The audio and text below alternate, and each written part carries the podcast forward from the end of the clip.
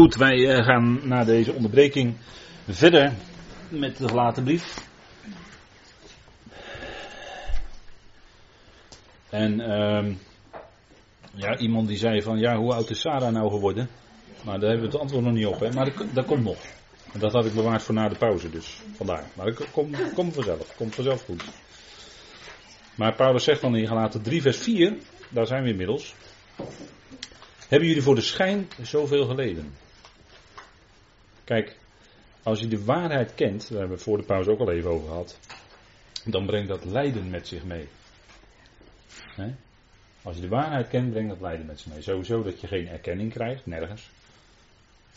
want de waarheid is niet iets wat succesvol is in deze tijd. Dat heeft de Heer ook helemaal nooit gezegd hoor. En dat heeft Paulus ook nooit gezegd. Paulus heeft eerder gezegd dat in de latere tijd de mensen zullen afstand nemen van het geloof. Dat heeft Paulus wel gezegd. En dat zien we ook gebeuren.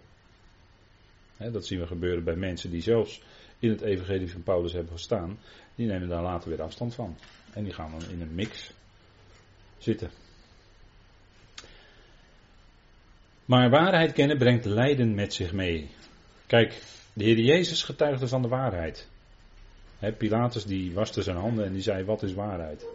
En dat is de vraag die de filosofen vandaag nog steeds stellen. En die kunnen dan vervolgens 40 jaar tot aan hun pensioen filosoferen over wat waarheid is. En die, dat schrijven ze maar steeds voor zich uit. Want ja, ze moeten toch hun pensioen halen. Maar die komen er niet achter. Want met eigen denken kom je daar niet uit. dat was Pilatus ook al niet. Maar de waarheid stond voor hem. De waarheid stond voor hem. De Heer had gezegd van zichzelf: Ik ben de weg, de waarheid en het leven. Dus hij getuigde van de waarheid. Nou, wat is, wat is een van de grote waarheden van de schrift? Dat God God is. En dat hij alles in handen heeft. Pilatus zei, ik, ik kan u veroordelen. Nou, de heer Jezus zegt, dat kan je alleen maar omdat het je van boven gegeven is. Dan zeg ik het even met mijn eigen woorden. Van boven, dus van God. Dus alleen maar omdat God jou geeft dat jij dat nu kan, kun je mij tot het kruis veroordelen. En anders zou je het niet kunnen. En dat zo getuigde de Heer van de waarheid, wie die was. De zoon. Hij kwam voor de hoge priester en die zei: de zoon van, uh, Je bent de zoon van God de gezegende. En nou ja, goed, dat was lastelijk. Dat, uh, dat sprak hij niet tegen. En dat was in de oren van de, van de hoogpriester was dat de godslastering en van het Sanhedrin. En dus moest hij gedood worden, want ja, dat moest naar de wet. Degene die de naam zou lasteren, moest gedood worden. Staat in de wet. die de naam zou opnemen in leegheid, staat er eigenlijk, in ijdelheid, in Hebel, die zou gedood moeten worden. Dus dat wil nog niet zeggen dat je de naam niet mag uitspreken, zoals bij de Joden gebruikelijk is. Maar dat staat helemaal niet in de Torah hoor, dat je de naam niet mag uitspreken. Er staat dat je de naam niet mag lasteren, er staat dat je de naam niet in, in ijdelheid zou gebruiken, dus niet uh, zomaar zou gebruiken. Maar dat een sluit het ander niet uit hoor. Maar zij maken ervan van nou laten we dan die naam maar helemaal niet uitspreken, dan kunnen we dat in ieder geval niet verkeerd doen. Maar ja, dan ben je dus weer de weer bekende eh, kind met het badwater aan het weggooien. en dan spreken ze over Hashem en over de eeuwige. En dan schrijven ze niet God, maar G, D schrijven ze dan. En dat soort dingen. Dus dan, en christenen gaan dat dan nadoen ook. Hè. Die gaan ook de naam van God niet meer uitspreken, Jawel. Maar uh, dat is helemaal wat de Torah niet zegt hoor. En dan kun je dus zien dat dus als mensen daarover gaan nadenken en daarnaast een soort traditie gaan ontwikkelen, dan zie je dus waar je terecht komt. dat de Joden hebben natuurlijk daar heel veel tradities bij ontwikkeld. Dat is het Judaïsme, waar ik het voor de pauze over had. En er zijn allemaal van die gewoontes en van die dingen zijn allemaal bijgekomen. En christenen die denken dan dat het, dat het bijbels is als ze dingen doen, maar dat is eh, soms helemaal niet bijbels hoor. Ik, ik, noem dat keppeltje. Hè. Keppeltje staat nergens in de Bijbel. Gebedsmantel die de Joden om hebben staat nergens in de Bijbel. Dat ze die moeten maken en om hebben. dat ze uh, allerlei uh, gebeden uitspreken, heel lang enzovoort, daar had de Heer Jezus het ook al over. Staat ook helemaal niet in de Bijbel. En, en zo, kunnen we, zo zou ik een lijst kunnen maken van allemaal dingen die bij christenen dan uit, een, uit de vermeende liefde voor, eh, of misschien wel uit echte liefde, maar dan toch verkeerd terechtgekomen voor Israël, die, die staan er met de mond open en die gaan het dan een beetje nadoen en ze hebben helemaal geen idee waar ze mee bezig zijn. Ze zijn dan met dingen bezig die er helemaal niet toe doen. En, en kijk, dat is het punt van. Kijk, als je dat zegt. Van kijk, dat staat wel in de schrift en dat niet. Dan laat je dus de waarheid zien. Maar ja, dat wordt je niet in dank afgenomen vaak. Dat mag je dan eigenlijk niet zeggen.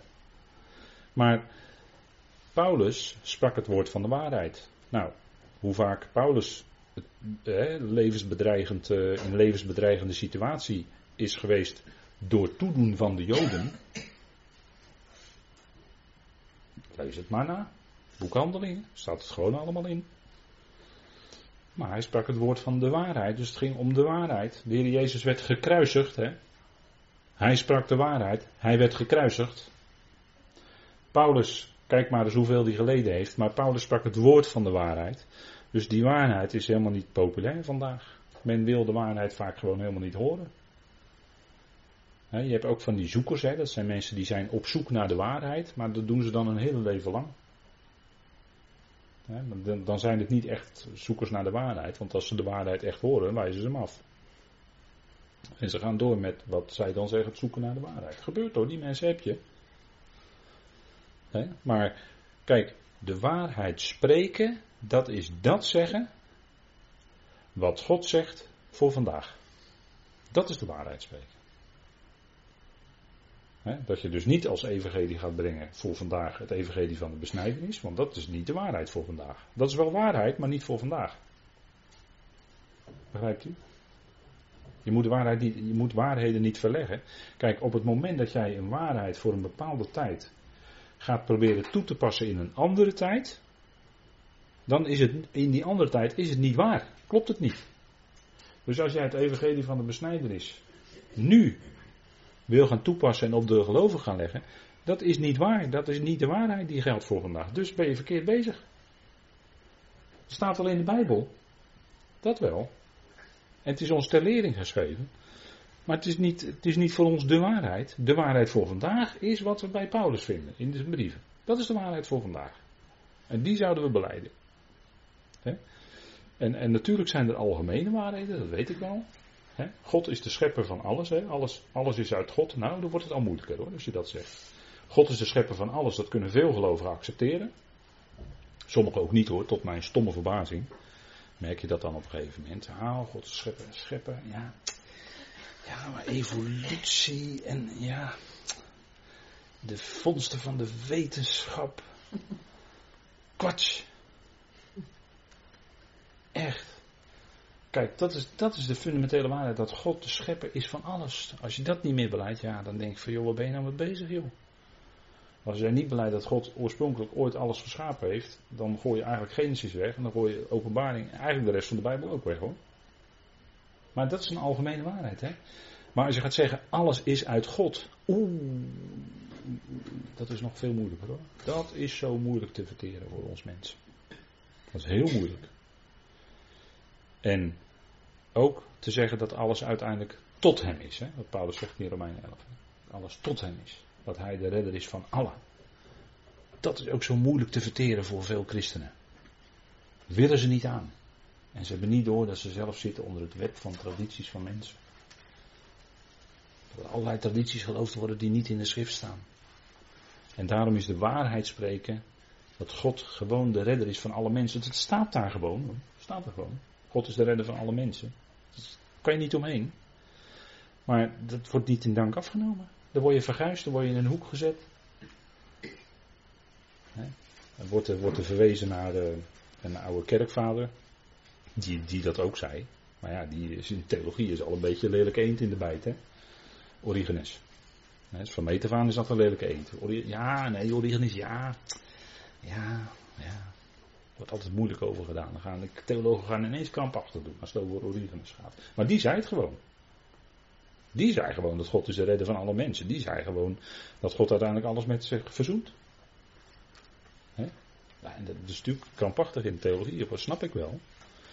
Maar ja, als je de waarheid spreekt, dan uh, lig je eruit. Vandaar dat, ik ga nog heel even door erover. Vandaar dat professoren die met, die met pensioen gaan, dat is altijd heel interessant. Op dat moment moet je altijd letten, want daarna gaan ze schrijven wat ze echt geloven. En dat baseer ik dus op, ik kan de namen noemen hè. Ik kan de namen noemen. Ik zeg het niet zomaar, maar ik kan de namen noemen hoor. En dan gaan ze dus echt zeggen wat ze echt geloven hebben al die tijd. Maar ja, als je natuurlijk betaald wordt voor je vak, dan moet je houden aan de leer van de kerk totdat je 65 bent. Dan krijg je je pensioen. Dan ga je met emeritaat, er is een heel mooi woord voor, emeritaat ga je dan. En dan gaan ze daarna zeggen wat ze echt geloven. Ja. Dus de waarheid spreken, ja, dat kan eigenlijk niet vandaag. Hè? Dat is heel moeilijk. Dan zit je eigenlijk in een heel klein hoekje. Ja, zouden wij het dan bij het rechte eind hebben en al die anderen dan niet? Dat gaat niet om ons. Daar gaat het toch niet om? Het gaat toch om wat Gods woord zegt. En als God het dan toevallig in onze schoot geworpen heeft, toevallig niet omdat wij zulke beste brave broeders zijn, maar omdat God dat dan geeft kennelijk op een of andere manier. Waarom weet ik ook niet. Maar als we dat dan gaan zeggen, ja, nou ja, goed, ja. Ja, als je dat dan niet prettig vindt en aansluiting wil vinden bij de rest, ja. Maar dan, dan raak je wel weg van de waarheid. Dat, dat wel, dat is, dat een hoge prijs hoor, is dat. Dat is een hoge prijs die je dan betaalt. Maar goed, wij, net als dat jatje daar, wij leggen de vinger bij wat er staat geschreven. Hè? Dat jatje. Is een mooi, vind ik altijd een mooi beeld. Vinger bij, kijk, dat staat er nou. He, dan zijn we bezig met die schrift. En dan zei Paulus ook steeds, er staat geschreven. En daar hield hij de mensen voor. Kijk, dat staat er. Daar gaat het om. Nou, dat, is, dat is boeiend genoeg hoor. En die gelaten hadden in het begin daarom geleden. Hè? Ze hadden lijden en verdrukkingen hadden ze doorstaan om dat evangelie. En kijk, als je bezig bent met vlees, dan werp je eigenlijk dat lijden van je af, want dan ben je bezig met religie. Dat zei ik er net al. als je bezig bent dat, je, dat jij het goed moet doen en als jij het nou goed doet, als jij weer dingen hebt, uh, de dingen goed hebt gedaan, laat ik maar even algemeen zeggen, dan gaat God weer met jou verder. En op het moment dat jij scheve schaats bent, moet jij het weer eerst in orde gaan maken bij God. En dan daarna gaat God weer met jou verder. Weet u wat het is? Dat is heidendom. Dat is hetzelfde als de karma bij de Hindoes. Denk er maar eens over na. En bij geest, daar gaat het om geloof.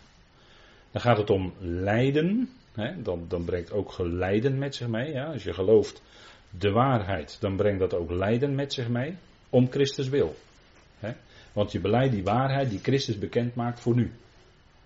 Hè? Kijk, eh, velen hebben er al, of velen niet, maar sommigen die hebben er al een hekel aan als wij spreken over het evangelie van Paulus. Dat mogen we dan kennelijk ook niet zeggen. Nou, dan zeg ik gewoon, het is het evangelie van Christus Jezus, gewoon hetzelfde. Dus het maakt geen verschil hoor.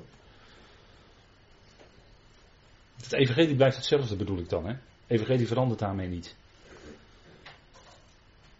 Geest, hè, daar werkt de geest. Geloof. Lijden om Christus wil. En dan zegt hij, hebben jullie dan zoveel voor de schijn geleden? Nou, als dat zo is, hè, als dat geloof van jullie, of dat, dat, ja, wat dan bij jullie speelde, als dat niet echt waar is geweest, ja, dan heb je inderdaad voor de schijn geleden. Maar dat hadden ze niet hoor, want het was wel degelijk geland bij hen. Alleen ze waren op een dwaalspoor gezet. en in Handelingen 14 staat ook uh, iets over verdrukkingen. Dat wij door veel verdrukkingen, en dan wordt die term het Koninkrijk Gods gebruikt, maar dan moet u die studies over het Koninkrijk nog maar eens naluisteren. dat is ook zo'n uh, heftig discussiepunt uh, bij sommigen. het koninkrijk. Nou, dan kunt u nu gewoon verwijzen naar. Er zijn vijf, vijf studies gegeven, vijf, zes studies over het koninkrijk zijn gegeven. Moet u daar maar naar verwijzen. Daar hebben we uitgebreid gesproken over het koninkrijk in de Hebreeuwse schrift, het koninkrijk in de Griekse schrift en het koninkrijk in de brieven van Paulus. En als je dan heel veel discussies wil voeren, dan moet je eerst dat maar eens gaan luisteren. En daarna als je dan nog discussiepunten hebt, dan, wil, dan willen we ze graag horen hoor. Dan willen we best, best dat aanhoren. Nou, als dat zo is, dan is het ook voor de schijn. als ze zoveel geleden hadden en het was niet echt, ja, dan was het voor de schijn inderdaad, zegt Paulus. Maar het was niet voor de schijn, het was wel echt hoor. En kijk, want de Heer Jezus doet de gelijkenis. En dus, daarmee wil ik illustreren, dat is ons ten voorbeeld geschreven. Hè? Wat ik nu, wat, waar het nu even over gaat, is het woord van het koninkrijk. Maar dat is ons tot voorbeeld geschreven, tot lering. Niet om rechtstreeks op ons toe te passen, zeg ik er ook gelijk bij. Maar het is wel een illustratie van een bepaalde waarheid. Het woord viel op steenachtige plaatsen. dat, is, dat is op een gegeven moment de gelijkenis die de Heer Jezus vertelt. de gelijkenis van de zaaier. Die gaat hij ook daarna uitleggen. Want een gelijkenis in de Bijbel is niet iets om iets duidelijk te maken. Maar een gelijkenis in de Bijbel is om iets te verbergen. Dat deed de Heer bewust. Hè? Want de discipelen kwamen bij hem. Waarom spreekt hij tot hen in gelijkenissen? Nou, dan zegt hij, opdat zij niet zullen, niet zullen zien, opdat zij niet zullen horen. Dus hij deed dat bewust om dingen te verbergen. Daarom sprak hij tot hen in gelijkenissen. En toen ging hij het privé aan zijn discipelen ging hij het uitleggen. Kijk, als hij er niks in had verborgen, had hij het ook niet hoeven uitleggen. He, daar had hij ook niet hoeven zeggen van dit is dat, dit, dat is dat, dat is dat. Eén ding, bijvoorbeeld, wat is de akker? Wat is de akker? De akker, uit de gelijkenis, wat is de akker? De wereld? De wereld, ja, de akker is de wereld. Begrijpt u? Dus hij spreekt over een akker, maar hij bedoelt eigenlijk de wereld. Dus hij verbergt die waarheid in het woord akker. Want daar zit iets anders dus achter. Hij bedoelt daarmee iets anders te zeggen. En dat legt hij aan zijn discipel uit. Dus Matthäus 13, gelijkenissen van het koninkrijk. Nou kijk, het woord viel op steenachtige plaatsen. En waarom was dat? Want we gaan even heel, heel snel even dat punt aanraken. Een ander deel viel op steenachtige plaatsen, staat er dan. En dan legt hij het uit aan zijn discipelen. Maar bij wie op de steenachtige gezaaid is, dat is hij die het woord hoort en dat meteen met vreugde ontvangt. Hij heeft echter geen wortel in zichzelf, maar hij is van het ogenblik. En als er verdrukking of vervolging komt omwille van het woord, struikelt hij meteen. Is dat voor hem een scandalon, hè? een uh, struikelblok. dat woord scandalon zit daarin, in dat werkwoord. En dat is hetzelfde woord wat ook gebruikt wordt in gelaten 5, waar ik het daarnet al even over had, als het gaat over de aanstoot van het kruis. Dan staat ook dat woord scandalon.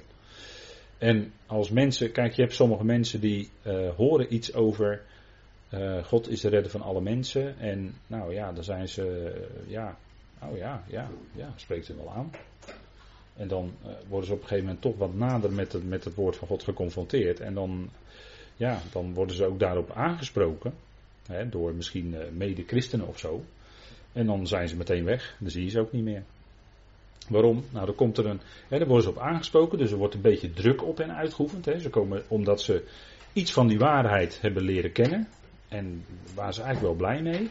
Maar dan worden ze meteen onder druk gezet. Dan komt er dus verdrukking en vervolging omwille van het woord. Want dat is een algemeen principe. Hè.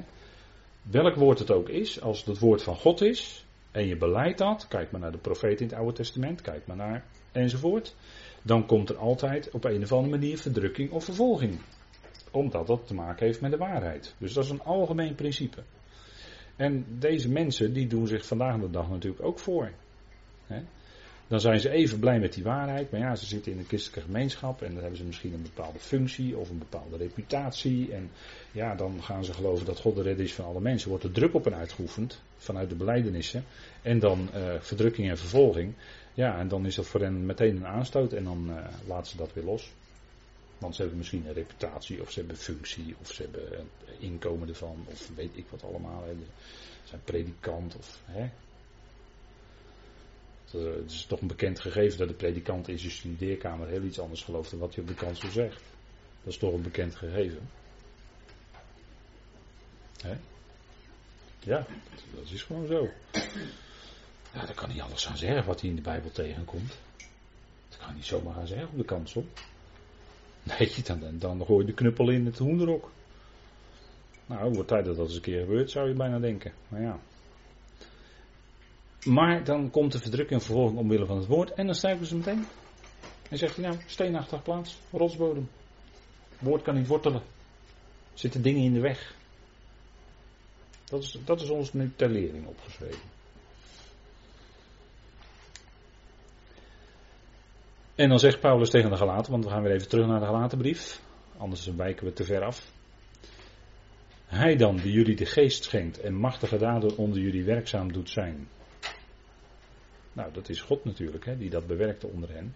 En moet even goed bedenken dat dit speelt, hè, die Galatenbrief, dat neemt men over het algemeen aan. Maar nogmaals, dateringen van de brieven is heel moeilijk gegeven. Dateringen van Bijbelboeken en brieven is gewoon heel moeilijk als het gaat om het Nieuwe Testament. Daar zijn verschillende gedachten over. Maar algemeen neemt men toch wel aan dat de gelaten brief een vrij vroege brief is van Paulus. Dat hij dus in een vrij vroeg stadium heeft geschreven. Dus dan zit je eigenlijk nog in de, wat wij dan altijd zeggen, de overgangstijd. Dat mag ik ook niet zeggen volgens sommigen, maar goed, dat is even om, het voor u duidelijk te maken. En wat wij dus later zien bij Paulus is dat sommige dingen hebben afgedaan. Hè?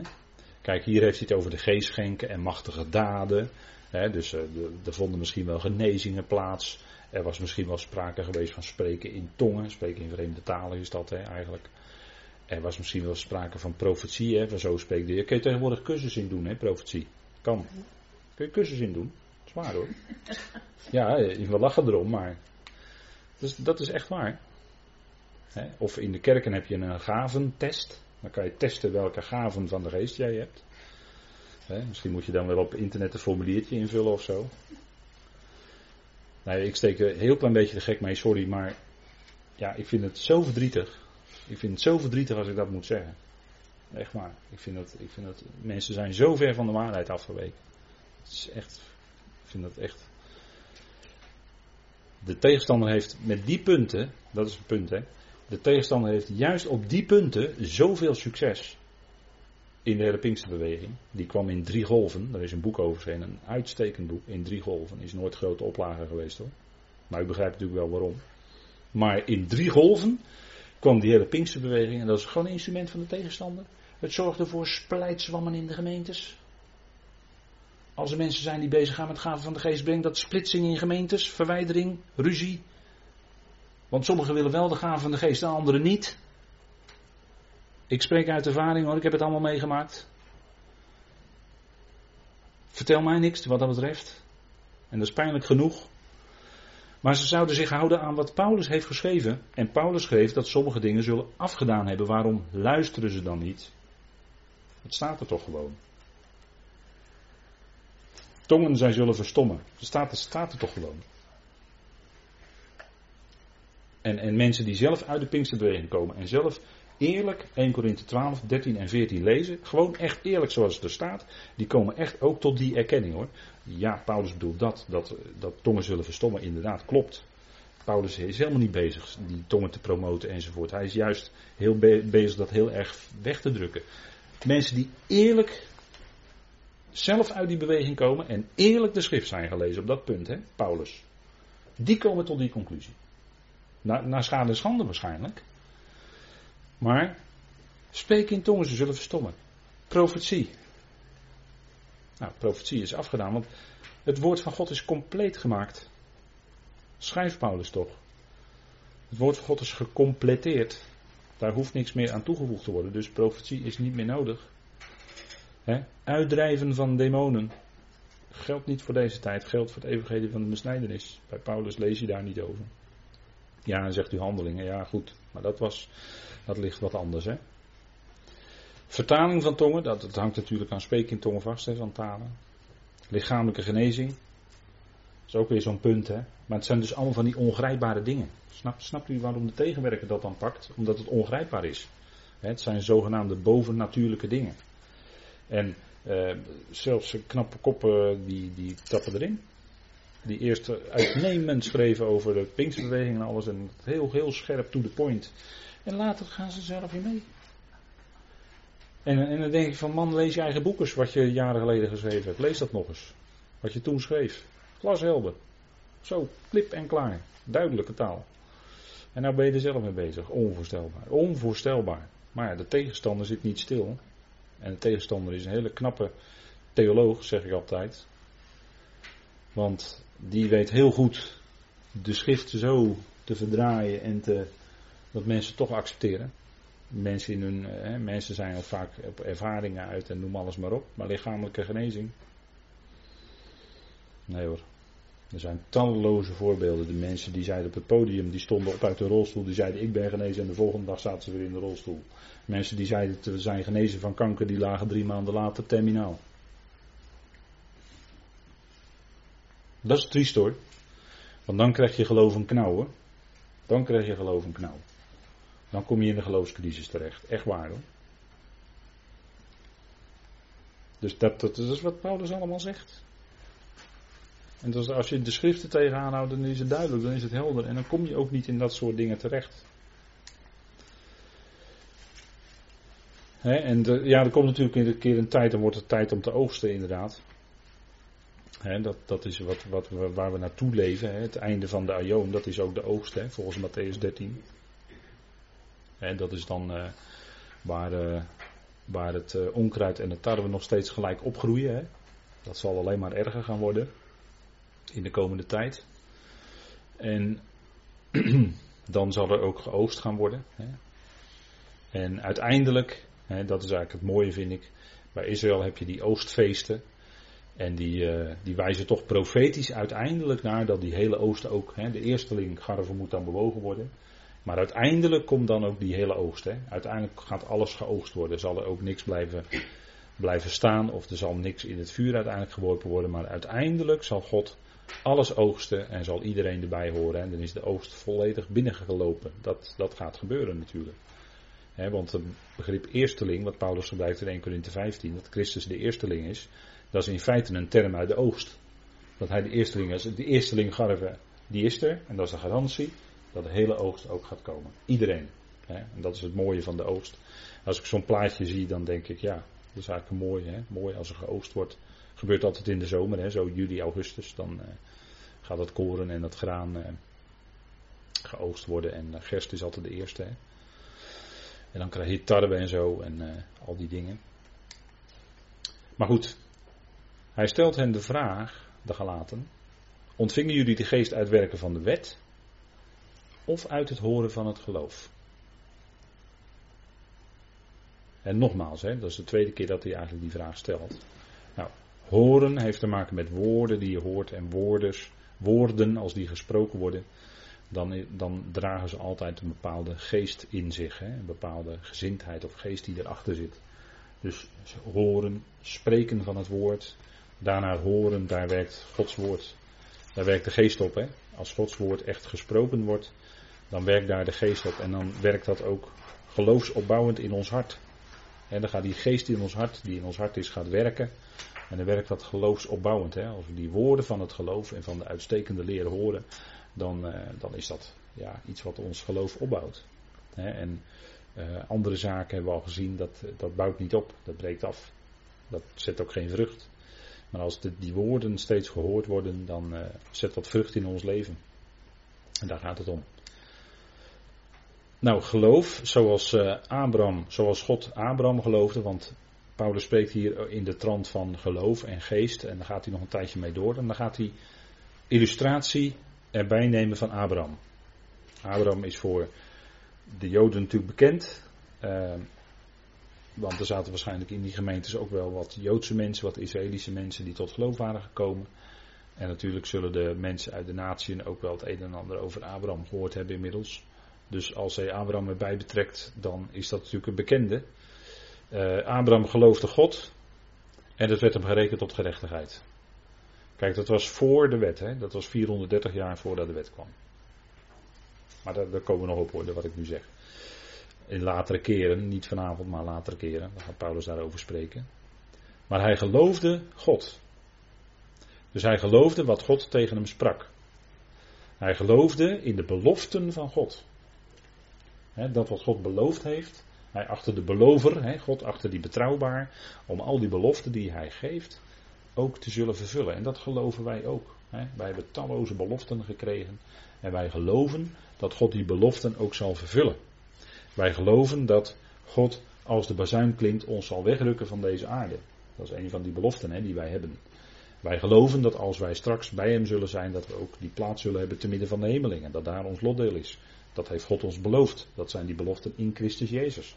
Hè, waar hij het over heeft. Nou, die beloften zal hij allemaal vervullen. Dat is voor God natuurlijk helemaal geen punt. Alleen punt is dat wij ons daarmee voeden. En hoe meer we ons daarmee voeden, hoe vaster ons geloof wordt in ons. Hoe meer je daarmee voedt, hoe vaster het in je wordt. En dan, wordt het, en dan ga je het ook uitspreken bij gelegenheid naar anderen toe. En dan wordt het nog vaster in je. En uh, nou, zo werkt dat. En Abraham, die geloofde God. En dat werd hem tot gerechtigheid gerekend. Dus Abraham was niet druk bezig met allerlei dingen te doen. Wat hem tot gerechtigheid zou worden gerekend, eventueel. Nee, hij geloofde eenvoudig God. Hij werd uit zijn tent geroepen en God zei: Abraham, dit zeg ik tegen jou. Dit spreek ik. En verder deed God trouwens ook niks hoor. Hij sprak alleen, Abraham hoorde dat en hij geloofde. En dat werd hem tot gerechtigheid gerekend. Nou, Abraham is de vader van alle gelovigen, hè? zo wordt hij in de schrift genoemd. En Sarai is de vrije uit Galaten 4. En nou dacht ik dat die naam Sarai ook in Galaten 4 genoemd wordt, maar het aardige was dat de naam Sarai daar helemaal niet voorkomt. Ik dacht van wel, maar het is niet zo. Tenminste, als ik goed gelezen heb. Ik dacht, nou, die vrije, dat gaat over Sarai. Dat is ook zo, het gaat ook over Sarai. In Galaten 4, hè, over Hagar en Sarah. De slavin en de vrije. En dan laat Paulus zien de typologie die in die geschiedenis zit. Want het zijn natuurlijk typen en beelden. Hè. En dan zegt hij, ja, dat is in beelden gesproken. Maar Sarai wordt niet, niet echt genoemd, maar dat is natuurlijk de vrije hè, die in Galaten 4 bedoeld wordt. Nou, de, de vraag is, hoe oud werd Sarai? Dat vond ik wel een aardige vraag om te stellen vanavond. Daar komen, we nog op. Ik hou je nog even in spanning. Het antwoord heb ik al wel gehoord in de pauze van iemand, maar komt nog. En de vraag die ik wel eens gehoord heb onlangs is, hoort Abraham dan ook bij de gemeente? Want de redenering is, de redenering is, Abraham werd gerechtvaardigd door geloof. Wij worden ook gerechtvaardigd door geloof. Uh, wacht even, hoort Abraham dan bij de gemeente? Nee. Dat, is, dat is een vraag. Maar dan zullen we het antwoord op proberen te geven. Hè? En ook waarom dat dan zo is. Of niet zo is. Hè? Dus dat, dat is een vraag. Nou, dan gaan we even kijken of we daar het antwoord op kunnen vinden. Sari werd 127 jaar, dat is hem. 127 jaar. Het is de enige vrouw in de schrift van wie de leeftijd vermeld wordt. Hoe oud die is geworden is toch wel bijzonder, hè? En Sarah betekent vorstin, hè, dat weet u wel. Sarah, dat heeft te maken met, uh, dat, is nou verwant, eh, dat, is, dat is verwant in het Hebreeuws met uh, Shora, gerst. Dat is ook verwant met poort, het begrip poort in de schrift, dus ook verwant daarmee met gerst.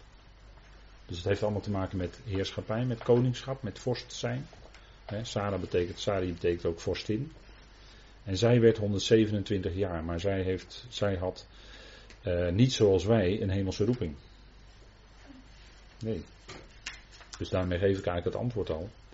Hoort Abraham bij de gemeente? Nou kijk, Abraham werd gerechtvaardigd door geloof. Inderdaad, klopt. Klopt. Staat natuurlijk luid en duidelijk in de schrift vermeld. Het geloof werd hem tot gerechtigheid gerekend. Het geloof werd hem tot gerechtigheid. Dat is absoluut waar. Staat in Genesis 15, vers 6. Kun je niet omheen. Paulus herhaalt het. De vraag daarbij die je kan stellen is: ja, wacht even, nu even goed nadenken. Was hij wedergeboren? Nee. Nee hoor. Dat is een werk van de geest aan Israël, maar dat had Abraham nog niet ondergaan hoor. Abraham was niet wedergeboren. Wedergeboorte is voor Israël in duizend jaar. Goed, goed. Maar Abraham was niet wedergeboren. Dus nu praten we nog niet, nog niet over het lichaam van Christus. Hè? We praten over Israël. Maar Abraham was niet wedergeboren. De volgende vraag die we daarbij kunnen stellen is: was hij in Christus een nieuwe schepping dan? Want dat, dat moet dan zo zijn. Nou, ik denk dat dat een hele logisch antwoord op te geven is. Nee, dat was natuurlijk niet. Natuurlijk was hij niet in Christus, dat kon helemaal niet. Je kunt pas in Christus zijn nadat hij is opgewekt uit de doden. Pas dan kun je in Christus zijn, daarna. Niet daarvoor, als hij nog niet geweest is. Begrijpt u? Uh, geloofde Abraham in Jezus als zijn redder? Die vraag is misschien wat moeilijker, want dan zou u nog wel wat. Maar niet in de zin van dat hij als gekruisigde en opgestane de redder is. Dat, dat kon niet. Kijk, Abraham geloofde wel in de God die doden opwekt. Bij zijn zoon Isaac, hè, toen hij hem op het altaar bond. Toen geloofde hij, toen hij het mes omhoog deed, geloofde hij, op dat moment zegt Hebreeën 11, dat God bij machten was hem weer uit de doden op te wekken. En dat zegt ook Romeinen 4. Hè. Dus Abraham geloofde wel dat God bij machten was zijn zoon Isaac uit de doden op te wekken. En Isaac is natuurlijk een type van Christus, uiteraard. Hè. Maar dat evangelie te kennen van dat Jezus je redder is. Hè, dat, dat, Christus Jezus, hè, geloof, het geloof van Jezus Christus enzovoort. Ja, dat heeft Abraham natuurlijk nooit kunnen kennen. Dat is onmogelijk. Dus kijk, hij geloofde wel in de uitspraken van God. Maar, en dat werd hem ook tot gerechtigheid gerekend. Maar dat is altijd zo bij geloof. Kijk, Noach was ook een gelovige. Noach, die, God zei iets tegen Noach. Die grote vloed gaat komen. Noach ging die ark bouwen. Dus hij, Noach geloofde God. Maar dat maakt Noach ook evenmin tot een, tot een lid van het lichaam van Christus. Kijk, Noach was op dat moment wel gerechtvaardigd door dat geloof. Maar dat maakt hem nog niet tot lid, eh, lichaam van Christus. Hè? Dus dat is even, hè, zulke, als je gelovigen de dingen op een rij zet, dan denk je van, hé, hey, hoe zit dat nou? Dat, dat zijn misschien wel logische vragen, maar je moet dan ook even proberen wat verder te denken. En dat doen we nu. Nou, leefde hij voor of na het kruis? Ik denk dat dat wel een hele belangrijke ook is hoor. Nou, hij leefde natuurlijk ver voor het kruis, duizenden jaren ervoor. En hij heeft niet kunnen weten dat de Heer Jezus Christus gekruisigd zou worden aan een hout. Dat, aan, een, eh, aan, aan, aan stauros is een paal eigenlijk. Hè. Maar hij geloofde, eh, dat, dat, dat heeft hij niet kunnen weten. Dus hij leefde zo verder voor. Nou, dus dan hebben we al een aantal aspecten op grond waarvan we kunnen stellen: nee, Abraham hoort niet bij het lichaam van Christus. Waar hoort hij dan wel bij? Wat is dan de toekomst van Abraham? Nou, dat is heel, heel logisch, denk ik. Op aarde. Abraham heeft natuurlijk een aardse toekomst. God zal hem doen opstaan. Want hij is de God niet van de doden, maar van de levenden. En hij is de God van Abraham, Isaac en Jacob. Dus in, in de opstanding, dan zullen zij daar zijn en zullen zij deel hebben aan het koninkrijk. Aan het koninkrijk van de hemelen. Want dat is wat ook gaat gebeuren. Velen zullen komen uit oost en west, zullen aanliggen met Abraham, Isaac en Jacob in het koninkrijk der hemelen. Of met Abraham wordt er dan geloof ik gezegd. Dus, hij heeft een aardse toekomst. Hij heeft wel de stad gezien met fundamenten, maar als u het mij vraagt, is dat het nieuwe Jeruzalem wat gaat neerdalen uit de hemel op de nieuwe aarde. Daar, dat zou kunnen dat hij dat gezien heeft. Ik denk het wel, want er wordt over gesproken. Dus het zou kunnen zien dat hij in de visioen dat gezien heeft. Dat, dat is heel goed mogelijk. Hè? Dus ja, ik denk dat we nu al antwoord hebben op onze vraag. Hè? Abraham hoorde niet bij het lichaam van Christus, hoort niet bij de gemeente. Hij heeft gewoon een andere beroeping, andere bestemming. Duidelijk, als je de schrift alles op een rijtje zet. Kijk, Abraham werd geloof, uh, gerechtvaardigd door geloof en dat geloof werd hem gerekend tot gerechtigheid. Hij leefde op de belofte van God. En dat doen wij ook. Wij leven op de belofte van God. Alleen de beloften voor ons zijn heel anders dan die aan Abraham gedaan zijn. Kijk, er zitten wel overeenkomsten. wij geloven net als Abraham op die manier. Wij geloven ook in de belofte van God. Maar voor ons zijn er hele andere beloften, namelijk de beloften in Christus Jezus. En voor Israël geldt het belofte in Jezus Christus. Kijk, hij keek uit naar het zaad, hè, dus de zoon. Dus de, hè, dat was natuurlijk voordat Isaac geboren werd. Hè, keek hij uit naar die beloofde zoon, de zoon van de belofte. En die kwam ook. Maar dat was op het moment dat hij, dat eigenlijk menselijk gesproken al niet meer kon. Vandaar dat Sarah lachte en Abraham ook. Maar hij geloofde wel in de God van de opstanding. Hè, die de doden levend maakt. En het niet, wat er niet is, roept alsof het er al was. Zo, hè? Zo geloofde hij. Nou, zo geloven wij ook. Precies op dezelfde manier. En in die zin is, is Abraham onze vader. In het geloof. Hè? En voor ons nog iets extra's, want hij is 50 en wij zijn ook allemaal de 50 gepasseerd.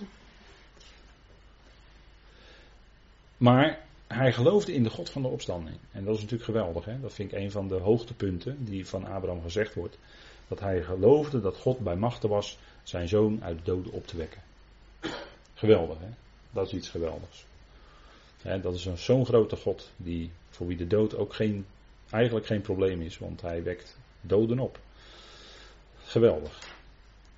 En Abraham geloofde dat zijn zaad, zijn nakomelingen zouden zijn als het zand aan de oever van de zee. Hè? Zo talrijk. Zo talrijk. En dat is niet zomaar een illustratie. En dat denken wij gauw. Dat het zomaar gezegd wordt. Hè? Ja, zoveel als al die zandkorrels aan het strand. Ga ze maar eens proberen te tellen. Nou, je hoeft er niet aan te beginnen. Het zijn er zoveel. Maar ze zouden zo talrijk worden als het zand aan de zee. En eigenlijk is dat een belofte als het gaat om de gelovige Abraham van het waar het een type van is, namelijk het zand aan de oever van de zee. De zee is altijd de volkerenzee. En dat zand daar is de vaste aarde. En dat is natuurlijk een type van Israël. Israël en de volkeren.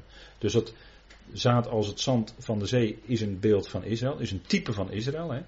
Dat is een, uh, ja, iets wat, wat uit wat, wat, een, wat een, een, een, stukje waarheid is, wat later in de schrift naar voren komt. En wat hier in het type al wordt aangegeven, als het zand aan de zee.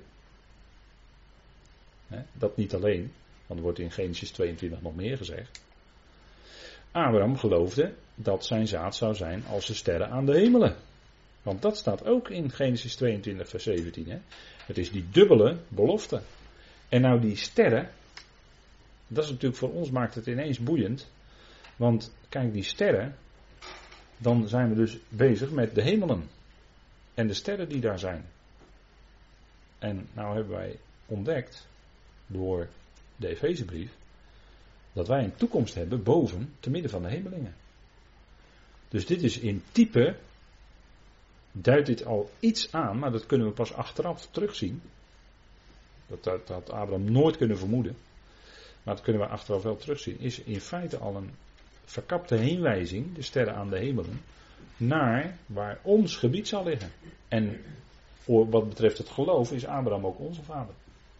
Dus het heeft dan te maken met het lichaam van Christus. Hè? Nakomelingen, zo talrijk als de sterren aan de hemelen, is in feite verkapte heenwijzing naar de gemeente die het lichaam van Christus is. Hè? Zo talrijk, maar dan niet op aarde, maar boven.